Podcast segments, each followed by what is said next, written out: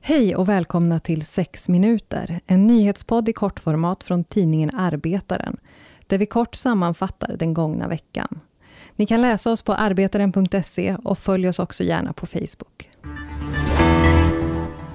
Tusentals lagerarbetare och leveransbud på Amazon i Italien strejkade i måndags för bättre arbetsvillkor. Det var den första landsomfattande strejken som involverade både leveransbud och lagerarbetare och därmed påverkade hela Amazons logistiska kedja. Det var de stora fackförbunden CGL, Chisel och Ultra Trasporti som utlyste strejken men även mindre radikala fackföreningar som USB, Unione Sindacale di Base som organiserar en stor del av leveransbuden i Rom, deltog. Arbetarna strejkade för bland annat trygga anställningar, höjda löner och rimliga arbetstider, förkortade arbetstider för leveransbuden, bättre säkerhet på arbetsplatserna och bättre ersättningar för måltidskuponger. Men också krav på att Amazon ska visa större förhandlingsvilja mot facken. Enligt det stora facket CGL deltog i genomsnitt 75 procent av den fastanställda arbetsstyrkan i den landsomfattande strejken, rapporterar La Repubblica. Men Amazon själva säger att endast 10 procent av lagerarbetarna och 20 procent av leveransbuden på underleverantörerna deltog. Situazione di driver ehm,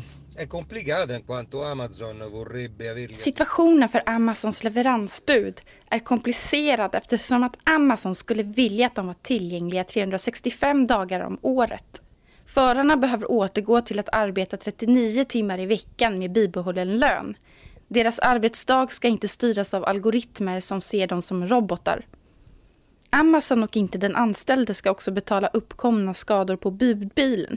Förhandlingarna med Amazon har varit resultatlösa och därför krävs det nu en upptrappning av konflikten. Det säger Massimo Pedretti som organiserar Amazons leveransbud, så kallade drivers, i Rom till Arbetaren.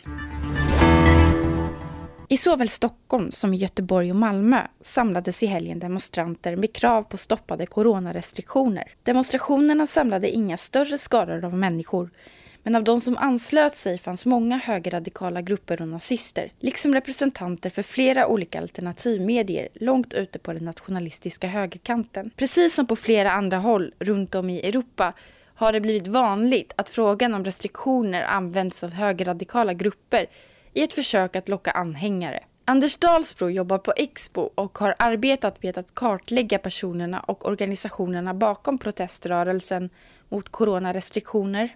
De här olika miljöernas vägar korsas ju till och från i och med deras konspirationsteoretiska världsbild. Så det är i sig ingenting nytt delar av den konspirationistiska nyandliga rörelsen och de högerextrema grupperna ser sig dessutom som en opposition till makten.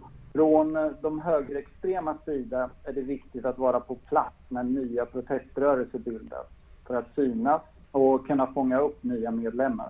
Det säger Anders Dahlsbro på tidningen Expo till Arbetaren.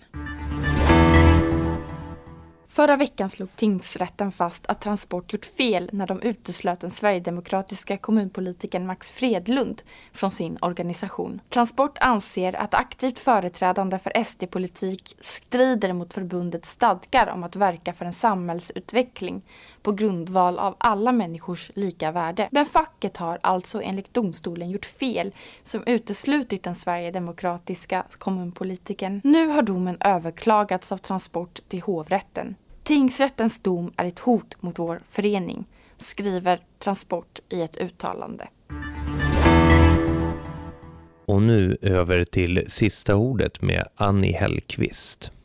Den tidigare våldtäktsmisstänkte juristen Göran Lamberts kunde i veckan i en livesänd presskonferens förtala och namnge den kvinna som anmält honom. SVT hade hunnit stänga ner sin sändning när namnet nämndes, men i Expressens kom det med. Samtidigt befann sig kvinnan på väg till ett skyddat boende på grund av hot och hatstormen mot henne. Berätta för mig igen hur mycket kvinnor har att vinna på att falskanmäla övergrepp. Oaktat vad som har hänt mellan Lamberts och kvinnan så har denna vecka sänt signaler. Signalerna säger du som kvinna är ansvarig för vad onyktra män gör. Polisanmäler du riskerar du själv att bli anmäld för falsk tillvitelse. Polisanmäler du dessutom en man med makt riskerar du dessutom att bli fullständigt nedgjord. Vi måste sätta det här i ett sammanhang. I vilket sammanhang är det Lamberts flinande kan kalla en kvinna som upplever sig utsatt för ett övergrepp för lögnerska och bedragerska?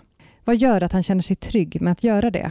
Det här händer i en tid när antifeminismen har växt sig allt starkare i Sverige. I en undersökning av högerradikala attityder i åtta europeiska länder som Expo gjorde tillsammans med brittiska Hope Not Hate sticker Sverige ut när det kommer till negativa attityder gentemot feminism. 41 procent håller helt eller delvis med om påståendet. Feminismen är ansvarig för den känsla av marginalisering och demonisering som en del män upplever. Det är långt fler än i något av de andra länderna som är med i undersökningen. I Ungern var siffran 22 procent. I Italien 13. Men veckan har också sänt andra signaler som mullrar från alla håll. De signalerna säger Vi är så jävla trötta på det här. Vi ställer inte upp på den bild av mäns sexualitet som Lamberts, Lindeborg och andra ger uttryck för. Det är inte kvinnors uppgift att ta ansvar för den. Det är inte kvinnors fel när män begår övertramp. Män med makt har särbehandlats för länge. Det räcker nu.